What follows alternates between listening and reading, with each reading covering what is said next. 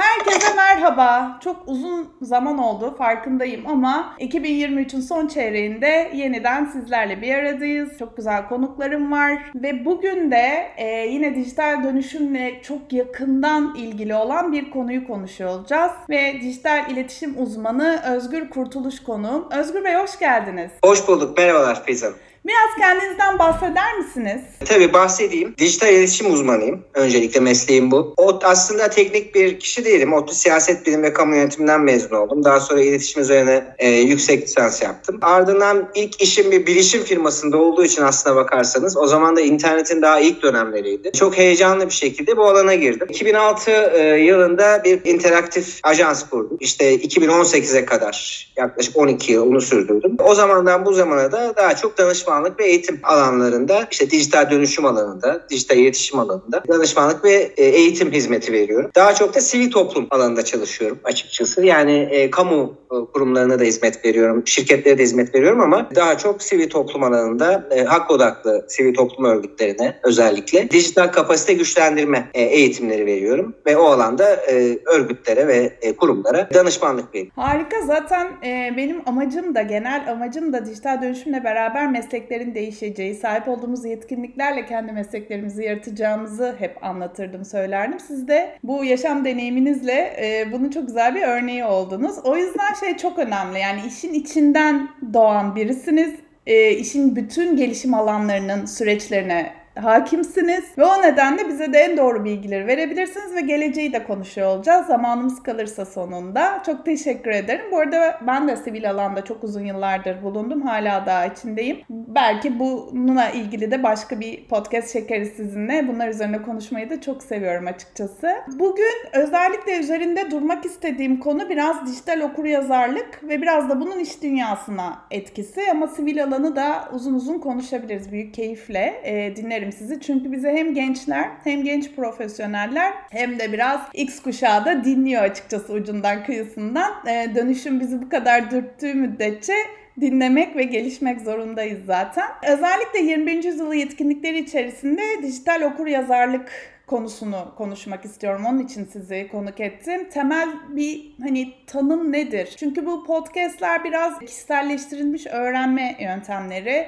Burada biraz kavramlardan da yani içerikten de bahsetmek lazım. Temel tanımlar nedir? Dijital okuryazarlık nasıl tanımlanır? Boyutları nelerdir? Beceriler dediğimizde ne anlamamız gerekiyor? Biraz kavramlardan bahseder misiniz? Bunun dijital dönüşümle arasındaki ilişkilerden belki de çok sevinirim. Evet, evet bahsedeyim. Yani dijital e, okur yazarlık dediğimizde aslında çok genel bir tanım yaparsak e, hem e, bilişsel hem de teknik beceriler gerektiren işte bilgiyi bulmak, e, değerlendirmek, bilgi oluşturmak e, ve iletmek için bilgi ve iletişim teknolojilerini kullanma yeteneği dijital okur yazarlık genel olarak söylediğimiz zaman. Birçok farklı okur yazarlık türüyle de ilişkili. Yani örneğin işte medya okur yazarlığıyla ilişkili, iletişim okur yazarlığıyla, veri okur yazarlığıyla ilişkili, işte görsel okur yazarlık dediğimiz okur yazar türleriyle ilişkili çok fazla e, okur yazarlıkla ilişkili bir kavram kavramsal olarak. Genel olarak 5 e, farklı alanda değerlendiriliyor. Ee, bunlardan ilki erişim. Yani her şeyden önce işte bireylerin bu bilgi ve teknoloji araçlarına erişimi çok önemli. Burada hızlı bir işte e, internet bağlantısı ya da bir dijital araç, e, işte akıllı telefonlar, laptoplara sahip olmak. Bu önemli bir alan çünkü bunun ne kadar önemli olduğunu biz pandemide gördük mesela. Bu birdenbire eğitim kesilince işte 16-17 milyon öğrenci online eğitim yapma durumunda kaldığında biz aslında ne internet bağlantılarımızın yeterli olduğunu ne de işte dijital araçlarımızın yeterli olduğunu gördük burada. Dolayısıyla erişim çok önemli bir e, alan. Bir diğer alan mesela hiç yani ilk akla gelmese de eleştirel düşünme beceri. Ne demek eleştirel beceri, e, düşünme becerisi? Yani bir bilgiyle karşı karşıya kaldığınızda o bilgiyi değerlendirebilme. Bu çok önemli bir beceri. Neden? Çünkü internet öncesi dönemde biz bilgiyle erişimimiz biraz eşik bekçileri dediğimiz e, insanlar aracılığıyla yani gazeteler, işte televizyonlar, dergiler, e, kitaplar, editörler bu bilgiyi düzenleyip bize sunuyorlardı. İnternetle beraber biz inanılmaz büyük boyutta bir bilgiyle yüz yüze kaldık. Yani bilgi bolluğu, bilgi düzensizliği denilen bir dönemle karşı karşıya kaldık. E, dolayısıyla neyin doğru, neyin yanlış, neyin sahte, neyin gerçek olduğunu değerlendirmek çok önemli bir beceri e, olarak karşımıza çıktı. Sonra kendini ifade etme becerisi de bir dijital yazarlık becerisidir. Tabii ki dijital araçlar üzerinde. Yani işte sosyal medyada kendini ifade edebilmek, anlık mesajlaşma uygulamalarında ya da bir e-posta iletişiminde kendini ifade edebilmek. Bunlar e, sorumluluk ve etik yani netiket diye de belki adlandırılabilir. İnternet etiği. Bu işte diğer insanların, kullanıcıların hak ve özgürlüklerine saygı göstermek. İşte doğru nitelikli mesajlar üretebilmek, içerikler üretebilmek. E, telif haklarına e, riayet etmek. İşte nefret söyleminden, işte hakaretten ve uzak durmak. Bunlar da bir dijital yazarlık becerisi. Ve bir başka alanda katılım. E, yani e, çeşitli karar verme süreçlerine dijital araçları kullanarak e, katılabilme becerisi. İşte bilgi paylaşmak, işbirliği yapmak dijital araçlar üzerinden diğer insanlarla hem kendi ülkemizdeki insanlarla hem de uluslararası farklı ülkelerdeki insanlarla birlikte işbirliği yapabilmek dijital. Bu da bir dijital okur yazarlık becerisi. Yani fark edildiği gibi hiç teknik bir şeyden bahsetmiyorum. Yani hep e, aslında bakarsan bilişsel becerilerden bahsediyorum sosyal becerilerden bahsediyorum. Elbette ki teknik beceriler de var. E, fakat bu teknik beceriler yani mesela şöyle bir örnek vereyim. İşte bizde Türkiye'de e, internete erişim oldukça yüksek aslına bakarsanız. Yani TÜİK verilerine göre hanelerin yaklaşık %85'i internete erişebiliyor. Sosyal medya kullanımı çok yüksek. Yani internet kullananların %90-95'i sosyal medya kullanıyor. İşte Facebook'un, Instagram'ın 50 milyonu aşkın üyesi var bu sosyal medyaların. Yani çok kullanıyoruz. Günde 2,5 saat saatimizi sosyal medyada geçiriyoruz. Yani yoğun teknoloji kullanan bir ülkeyiz. E, ancak bununla beraber ne kadar e, nitelikli kullandığımız e, konusu bu, bu araçları bu önemli bir soru işareti. Ne kadar üretim yaptığımız önemli bir soru işareti. Örneğin Wikipedia'ya baktığımızda işte Filipinler'den bile daha az içerik ürettiğimizi Wikipedia'da görüyoruz. Yani bırakın Avrupa ülkelerini, işte uzak doğu ülkelerini ve e, Amerika'yı hani e, aslında çok gelişmemiş ülkelerle bile o konuda rekabet halindeyiz. Yani halinde değiliz. Dolayısıyla üretim konusunda yani dijital araçları kullanan üretim tüketim konusunda çok iyi bir yerde olduğumuz söylenemez. Tüketim konusunda daha e, fazla e, şeyiz ne diyelim aktifiz yani bu anlamda. Dolayısıyla şimdi şöyle bir şey yok elimizde veri yok. Yani Türkiye'nin yüzde kaçı dijital okuyor ya bunun ölçeği nedir aynı zamanda. Bu tip çalışmalar hep beyana dayalı olarak. Yani size soruyorlar işte kendinizi dijital okur yazar olarak görüyor musunuz? Evet dediğiniz zaman oraya işaret ediyorlar ama e, benim daha farklı bir veri mesela ilgimi çekiyor. Bu OECD'nin geçen e, sene yaptığı bir okur yazarlık araştırması oldu. Burada test yaptı. Veri değil şey e, beyana dayalı değil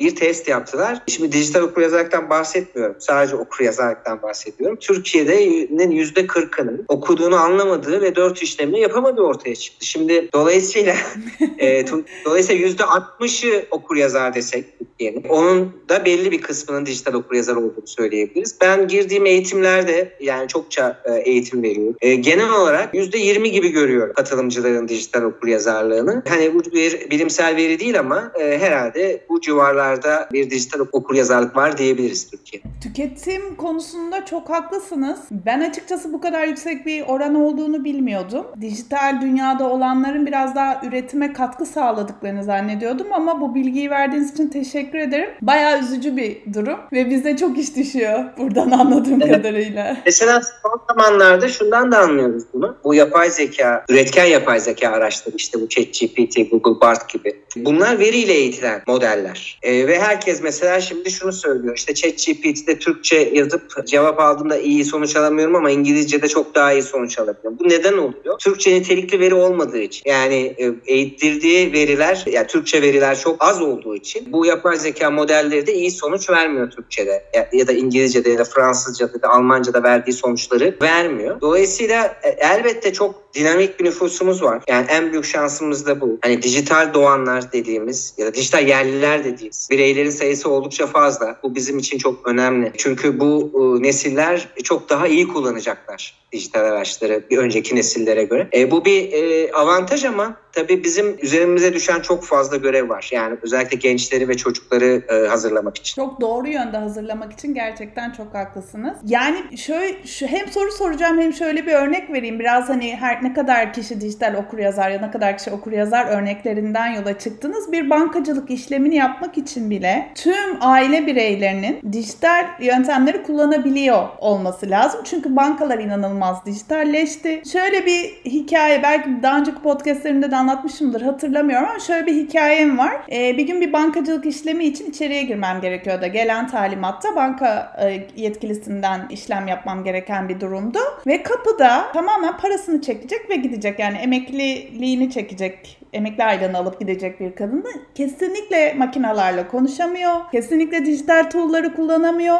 Ve içeride çok büyük olay çıkardı. Ben sadece paramı alacağım biri bana paramı versin diye bağırıyordu. Hakikaten yani sadece para işlemlerimizi yapabilmek için o bırakın hani daha akıllı araçları kullanmaktan bir bankamatikle bile iletişim kuramayan çok büyük bir yüzde var. Ee, en basitinden bunlarla bile başlasak belki de birçok iş yapış biçimlerini ve hani hayatımızı kolaylaştırıyor oluruz. Buradan da şeye bağlayacağım. Kişi ve kurumlar niçin dijital okur yazar olmalılar? Yani paramızı rahatlıkla çekebilmek için bir adım atmalıyız ama kurumlar, bireyler yani siz bugüne kadar ne gibi örneklerle karşılaştınız? Öncelikle tabii şunu söyleyelim. Dijitalin çok büyük dönüştürücü bir gücü var. Zaten dijital dönüşüm dediğimiz şey aslında yani hem eğitimi dönüştürüyor hem sağlığı dönüştürüyor, çalışma hayatını dönüştürüyor, üretimi tamamen dönüştürüyor. Farklı bir üretim modeline geçiyoruz. Dolayısıyla da çalışanların da yani iş hayatında olanların da farklı yeteneklere sahip olmasını gerektiriyor bu. Ve işte kurumlar dijital dönüşüm süreçleri uyguluyorlar. Yani daha verimli olabilmek için, daha az e, emekle daha çok ürün elde edebilmek için ya da hizmet kalitelerini arttırmak için, daha hatasız işler yapabilmek için dijital araçları kullanıyorlar. Ama bir kurumun dijital dönüşümü demek yani kurum kendi başına bir varlık olmadığı için çalışanların dijital dönüşümü. Dolayısıyla çalışanların dijital okuryazar olması gerek. Bir dijital dönüşümü e, sağlayabilmesi için temel olarak. Örneğin ben sivil toplumdan örnek vereyim. İşte sivil toplum e, kuruluşlarının dijital kapasitelerini arttırmaya çalışıyoruz. Ne demek bu? Yani dijital araçlar kullanarak topluma daha etkin bir hizmet vermeleri sağlamaya çalışıyoruz. Daha e,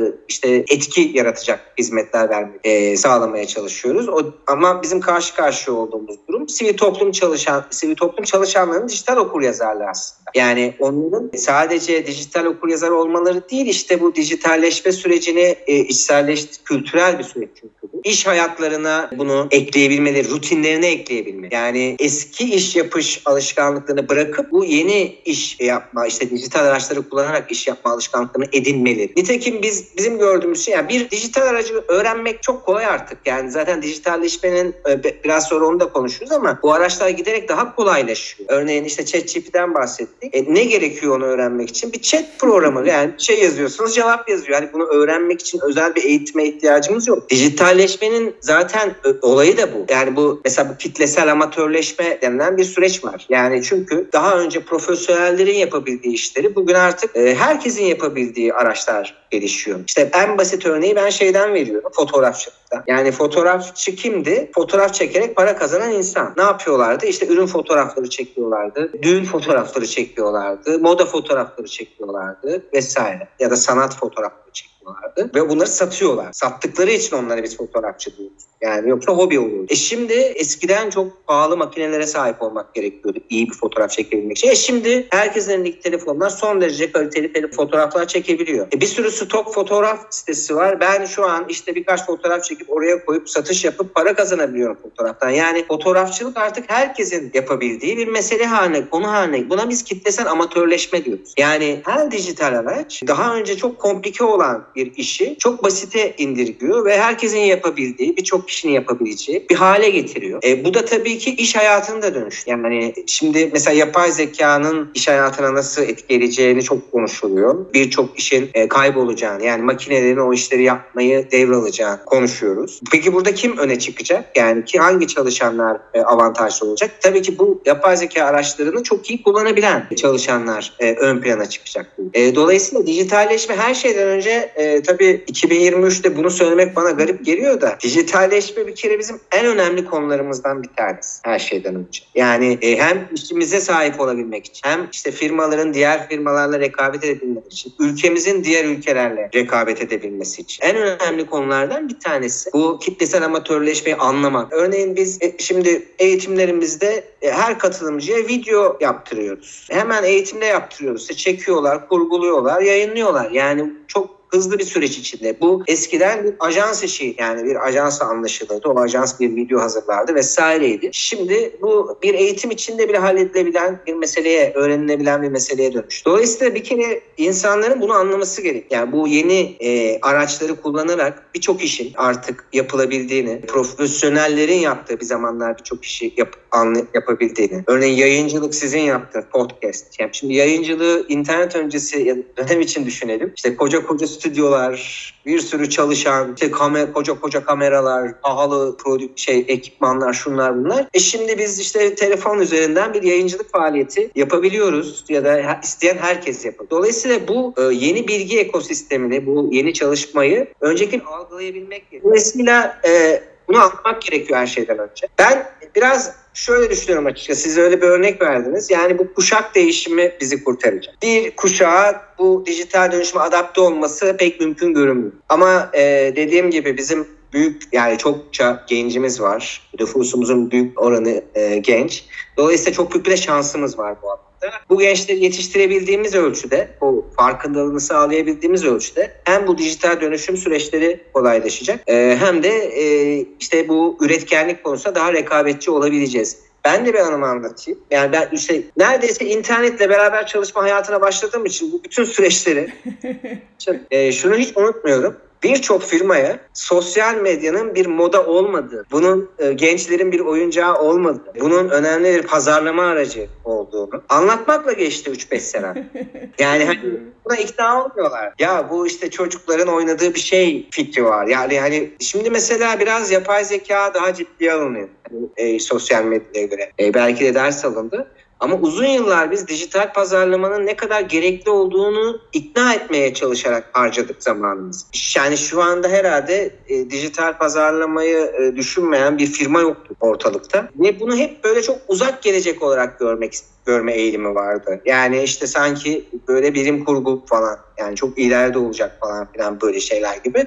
Ama şimdi görüyoruz işte konuşan makineler, robotlar, bilim kurgu filmlerinin o kadar da uzakta olmadığını görüyoruz. Bu sosyal medyanın toplumu nasıl etkilediğini, ticareti nasıl etkilediğini, e, nasıl bir pazarlama aracı olduğunu görüyoruz. Dolayısıyla biraz e, dediğim gibi ben gençlere bakıyorum burada.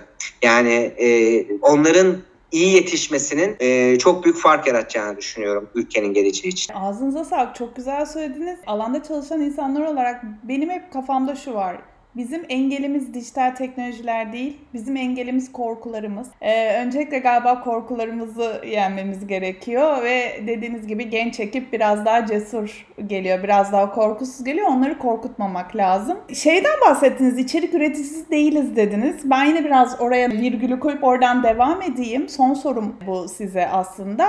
Ee, içerik üretiminin ne kadar önemli olduğunu çok farkındayız. Biz de hem bu podcastleri çekiyoruz hem de bu podcast içerik üreticisi öğrencisi yetiştiriyoruz. Yani bununla ilgili eğitimlerimiz de var. Ve orada şunu söylüyoruz. Yani teknoloji çok kolay. Yani podcastleri ben çekmeye başladığımda böyle bir teknoloji yoktu. Şimdi tek bir platformla, tek bir tuşla aslında podcast çekilebiliyor. Ama önemli olanın içerik üretmek olduğunu özellikle eğitimlerimizde bunları vurguluyoruz. Ve o içeriğin kalitesinin, işte e, kaynaklarının nereden bulunması gerektiğiyle ilgili gerçek bir çalışma var arkada. Yani bir hedef çalışması var, bir değer çalışması var, bir marka çalışması var. Şirketlere de bunu söylüyoruz. Yani hem iç müşterilerinizle yani çalışanlarınızla iletişim modeli bu. Hem de dış müşterilerinizle bir kültür paylaşımı aslında diye hep anlatıyoruz. O yüzden sizin dijital iletişim açısından bakacak olur, olursak bilgi işçiliği kavramı ve bunun hani çalışma hayatına etkisi nedir? Yani bu içerik üretmek için e, kişinin kendisini geliştirmesi gereken yerler hakkında sizin düşünceleriniz ne? Ya da kurumlar bununla ilgili neye yatırım yapmalılar? Ee, çok önemli bir konu tabii. Yani burada her şeyden önce nitelik çok önemli. Yani şimdi içerik oluşturabiliyoruz, bir video çekebiliyoruz, bir podcast yapabiliyoruz ama neden bahsediyoruz? O videoda ne var? Ee, yani mesela yayıncılık yapıyoruz ama nasıl bir yayıncılık? Yani içerik ne? Şimdi içerik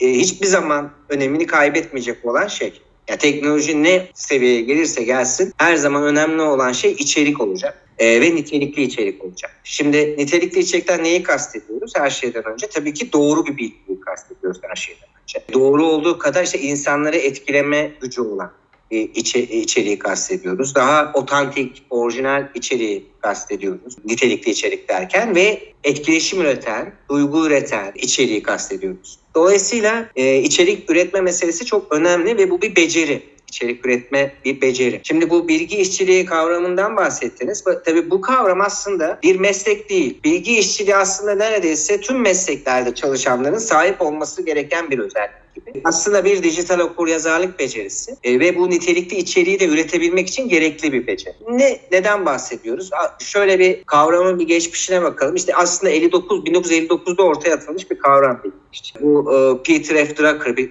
ünlü yönetim bilimci. Onun tarafından ortaya atıldı. Tabii o dönemde bu e, işte uçak biletlerini kesenler, çeşitli veri girişi yapan e, çok sınırlı bir kesim için kullanılıyor ama 90'dan sonra e, internetle beraber tabii bu bilgi işçiliği kavramı e, daha e, geliş işte bilgi üreticisi temelde. Mesela aslında bilim adamları, araştırmacılar, gazeteciler, iletişimciler bunlar hepsi aslında bilgi işçisi. Ben bir bilgi işçisiyim adamım. Yani ne yapıyorum aslında? Nitelikli bir bilgi oluşturuyorum bu bilgi yığını içinden ve onu ihtiyacı olan insanlara e, sunuyorum belli formatlar içinde. İşte bu kimi zaman sunum, kimi zaman video, kimi zaman podcast farklı formatlarda sunuyorum. Yaptığım temel olarak bu yaptığım iş. İşte bir avukat ne yapıyor aslında o kanunlar içinden bize ihtiyacımız olan bilgiyi çıkarıyor ve bize sunuyor. Bunu böyle yapmamız, şunu şöyle yapmamız gerekiyor. Öğretmen de bunu yapıyor. Dolayısıyla bilgi işçiliği aslında her çalışanın yani her bireyin sahip olması gereken bir özellik. E, nitelikli bir içerik üretmek istiyorsa eğer. E tabi bu e, her şeyden önce bir kere bir kendi kendine öğrenme yeteneği gerektiren Şimdi bu çok önemli bir mesele. Yani bizdeki en büyük eksikliklerden bir tanesi. Yani bu uzaktan eğitim e, online eğitim meselesinde de bu önemli. Yani kendi kendine öğren çünkü artık ne zaman mezun olursanız olun okulda 3-5 sene içinde o sahip olduğunuz bilgiler eskiyor ya da güncellenmesi gerekiyor. Yeni beceriler, yeni bilgiler ortaya çıkıyor. Dolayısıyla bir kişinin kendini güncellemesi çok önemli bir kişisel yetenek artık. Bu işte online eğitimlerle kendi kendine öğrenebilir. Ya da işte e, internetteki sınırsız içerik içinden kendine. Mesela bununla ilgili eskiden şöyle hikayeler anlatılırdı. İşte Kanadalı bir çocuk 14 yaşında bir yeni bir Maya uygarlığı kenti keşfediyor. Nasıl yapıyor bunu? İşte okuyor çocuk. Bu e, Mayaların yıldızların konumlarına göre kentlerini kurduğunu keşfediyor. Sonra o yıldızların hareketlerinden bir noktada bir kent olması gerektiğini düşünüyor. Bu düşüncesini yazıyor, araştırıyorlar. Evet böyle ağaçların ve toprağın altından bir kent. 14 yaşında bir çocuk böyle bir arkeolog, bir antropolog e, şeyiyle yani o nitelikli bilgiyi ortaya çıkarabiliyor. Olasılıklar sınırsız. Yeter ki bireylerin kendilerini bu alanda yetiştirmesi yani kendi kendine öğrenme yeteneği kazanması. Örneğin Türkiye'de Coursera e, istatistiklerine bakıyorum. En çok eğitimi yarıda bırakma istatistik yani istatistik Türkiye çok yukarıda. Yani hep başlanmış bırakılmış yani o, o eğitimi bitirebilme ne diyelim e, yeteneği ya da işte inadı diyelim. Yani bu bunu sahip olması gerekiyor. Bu e, işte uzaktan çalışma, uzaktan eğitim bunlara çok uyum sağlayabilmesi gerekiyor. Bu ekip online bir şekilde bir ekiple çalışabilme, bir takımla çalışabilme, ister e, kendi ülkesinden ister uluslararası başka ülkelerden. Şimdi bir de Tabii bu yapay zeka öyle bir şeye getirdi ki bizi. Yani neredeyse dil bilmenize gerek kalmayacak. Ee, işte bir Almanla ya da bir Fransızla çalışabilmeniz için. Çünkü simultane tercüme şeyleri çok hızlandı. Şeyi çok önemli. Bu soft skills dediğimiz yumuşak beceriler, iletişim becerileri. Bir bilgi işçisinin mutlaka edinmesi gereken beceriler. Ya da işte problem çözme becerileri. E, strateji oluşturma biraz önce söylediğiniz. Neyi? Mesela biz e, sivil toplum e, temsilcilerine de bunu anlatıyoruz. Ya tamam video çekeceksiniz ama neden çekeceksiniz? İşte hedef kitleniz kim? Hedefiniz ne? Önce bunları e, ortaya yani bu stratejik düşünme becerileri de e, bilgi işçiliğinin çok önemli bir e, şeyi tabii ki dijital beceriler. Yani e, dijital araçları kullanabilme becerileri. Ben mesela eğitimlerde hiç böyle tu araç göstermekten hiç hoşlanmam. Aracı kendisinin öğrenmesi. Yani benim vermem gereken ona o aracı ne için kullanabileceği, hangi amaçlar için kullanabileceği, işte hangi hedef kitlelere yönelik kullanabileceği. Temel bilgi bu. Ama oturup da işte şuraya basın, şuraya tıklayın. Bu artık çok gereksiz e, bir iş. Bunu artık insanların kendileri yapabilmeleri gerekiyor. Yani temelde e, yine şeye varacağım, geleceğim. Bizim çocuklarımıza, e, gençlerimize başta olmak üzere bu e, yumuşak yetenekli, bu eleştirel düşünme, bilgi iç, yani bir bilgi içinden nitelikli olanı seçebilme, işte bir içerik oluşturabilme, bir metin yazabilme ki bunlar artık çok kolaylaştı yapay zeka ile beraber üretken yapay zeka. Bunları vermemiz gerekiyor ama baktığımız zaman yani şu anki duruma örneğin okullarda bir bilişim dersi var. Bilgi ve iletişim teknolojileri dersi var ama nasıl bir ders bu mesela? Ya yani bu beni çok üzdüğü için benim de bir kızım var. O da aynı dersi alıyor ve üzülüyorum yani. Çünkü bu ders ders neredeyse en önem ver, verilmeyen ders. Yani işte sınavlarda çıkmıyor bilmem ne hani öyle şeyler önemli ya okullarda. Sınavda çıkan dersler çok önemli, çıkmayanlar çok önemsiz. Bilgi ve iletişim teknolojileri dersi en önemsiz derslerden bir tanesi. Öğretmen de önem vermiyor, öğrenci de önem vermiyor. Halbuki benim bakış açıma göre en önemli ders o aralarında. Çünkü eğer o ders e, çok nitelikli bir şekilde verilirse çocuklar o matematiği, o fiziği, o işte sosyal bilgileri, tarihi falan öğrenebilecekleri müthiş bir kaynak var önlerinde. Onu kullanmayın. İşte orada Öyle aslında öğretmenin de yetkinliklerini hep konuşuyoruz ya. Oradaki eksiklik de çok büyük de o yüzden biraz da biraz kültürel olarak önemsizliğe gidiyor. Çünkü öğretmen kendini çok yetersiz hissediyor genellikle. Öncelikle onun kendisini geliştirmesi gerekiyor. Bu da bahsettiğiniz kendi öğrenmeleri yolculuğunu kurgulaması, öğrenmeye motive olması falan gibi yine aynı döngüye geri dönüyoruz aslında. Geçen e, geçen yıl mesleki mesleki meslek liseleriyle ilgili bir projede yer aldım ve işte 50'ye yakın meslek lisesine iletişimim oldu. Öğretmenlerle konuştum. Mesela bilişim diye bir bölüm var meslek liselerinde biliş. On binlerce öğrencisi olan, binlerce öğretmeni olan bir bölüm. Ve o kadar atıl ki yani öğretmenlerin e, sözleri bunlar. Çünkü öğrenci neden orada olduğunu bilmiyor. Öğretmen işte çünkü meslek liseleri eğitim piramidinin en altında yani en e, hiçbir yere giremeyen öğrenciler oraya gidiyor. E, çocuk bilişim öğrencisi ama ilgi yok. Öğretmen motive olamıyor. Orada çok atıl bir şekilde. Halbuki mesela müf kitaplarını inceliyorsunuz. Fena değil. İyi müfredatlar oluşturulmuş vesaire. Ama işte onu sunacak altyapı yok ve de işte öyle dediğiniz gibi. Çok fazla yapılması gereken iş var. Bu işin olumsuz tarafı. Olumlu tarafından da bahsedelim biraz. Olumlu tarafı gerçekten çok farkında bir nesil yetişiyor. E, yeter ki onlara imkan sunulsun. Yeter ki onlara internet sunulsun. Yani internet potalarından kurtarılsınlar. Hızlı internet sunulsun. Gerçekten hani daha bizim neslimizle karşılaştırıyorum daha hem olanakları fazla ve bu olanakları değerlendirebilecek e, yeteneklere sahipler. Dolayısıyla o anlamda geleceğe e, olumlu bakıyorum. Fakat tabii hem kamunun e, hem şirketlerin yani şirketlere de görev düşüyor. Hem çalışanlarını e, alanda gerekli eğitimleri sağlaması, işlerini kaybetmemeleri için, işlerine e, sahip olabilmeleri için gerekli eğitimleri sağlaması. Hem e, sivil toplumun tabii ki e, ama temel mesele bence kamunun özellikle örgün eğitimde e, ve üniversitelerin tabii ki üniversite öğrencilerine bu yeni teknolojileri, bilgi işçiliğini, dijital okur yazarlık seviyelerini arttıracak faaliyetlerini çoğaltması gerekiyor. Üstelik gelecekten de bahsetmiyoruz biz artık biliyorsunuz. Biz tam bugünden bahsediyoruz. Daha geçen sene Eylül ayında e, herhalde kimse yapay zeka kavramını telaffuz etmiyordu. Şimdi e, işte üç cümlemizden bir tanesi yapay zeka ile başlıyor. Dolayısıyla olay çok hızlı gelişiyor. Bizim de bir yerinden yakalayıp bu hem eğitimle hem farkındalık çalışmalarıyla vatandaşlarımızı, bireyleri buna hazırlamamız gerekiyor. Çok teşekkür ediyorum Özgür Bey. Hem temel kavramlardan bahsettiniz hem de açık ve geliştirilmesi gereken yönleri vurguladınız. Bu noktada size katılıyorum ama bence en önemli şey sivil toplum. Yani sivil toplumla toplumu dönüştürebiliriz. Bu alanda verdiğiniz emekler için teşekkür ederim. Doğru nokta orası ve oradan devam etmemiz lazım. Sonra şirketler, sonra kamu ve üniversiteler diye birazcık gidebiliriz yani. E, yani devleti buna mecbur etmenin yolu da sivil toplumdan geçiyor. Aynen kesinlikle. Yani, yani hani şirketleri de belki buna ikna etmenin yolu da sivil toplumdan geçiyor. Katılıyorum. Ben de e, hem kendi alanımda, sivil toplum alanında gerçekten toplumun geleceğimizi kuracaksa sivil toplum güçlen, güçlendiği ölçüde e, daha iyi bir geleceğe ulaşacağız. Ağzınıza sağlık. Ben sorularımın yanıtlarını aldım. Özellikle şeyden de bahsettiniz hani gençler ya da yetişkinler kendilerini öğrenme motivasyonunda olmalılar ve kendi öğrenme hedeflerini koymalılar diye. Bu podcast kanalının da temel amacı bu. Bizi dinleyen biri dijital okuryazarlıkla ilgili şu an temel kavramları öğrenmiş durumda ve bunlardan e, neyi geliştirmesi gerektiğine karar verdikten sonra yine yeni bir kapı açılıyor, yeni bir adım atması gerekiyor. Ondan sonra işte Coursera'ya mı devam edecek, normal yüz yüze eğitime mi gidecek, yapay zekaya mı soracak neyse sonrasındaki e, hedefleri devam ediyor olması lazım. O nedenle tüm verdiğiniz bilgiler bu içeriği dolu dolu karşılıyor. Dijital okuryazarlık nedir? Temel bilgilerini bizim podcastimizi dinleyerek herkes sahip olabilir, bilgi sahibi olabilir. Daha ileri gitmek isterlerse size ulaşabilirler. Benimle iletişime geçebilirler. Çok teşekkür ediyorum. Son olarak eklemek istediğiniz bir şey var mı? Ya ben çok teşekkür ediyorum davet ettiğiniz için her şeyden önce. Yani bizim gibi uzmanların e, bu savunuculuğu savunuculuğu yani dijital okuryazarlık savunuculuğunu, bilgi işçiliği savunuculuğunu e, her ortamda yapması gerektiğini düşünüyorum. Bu fırsatı da verdiğiniz için çok teşekkür ediyorum. Başarılar diliyorum güzel programımızın devam etmesini. Çok teşekkürler. E, kendinize iyi bakın. Görüşmek üzere. Hoşçakalın.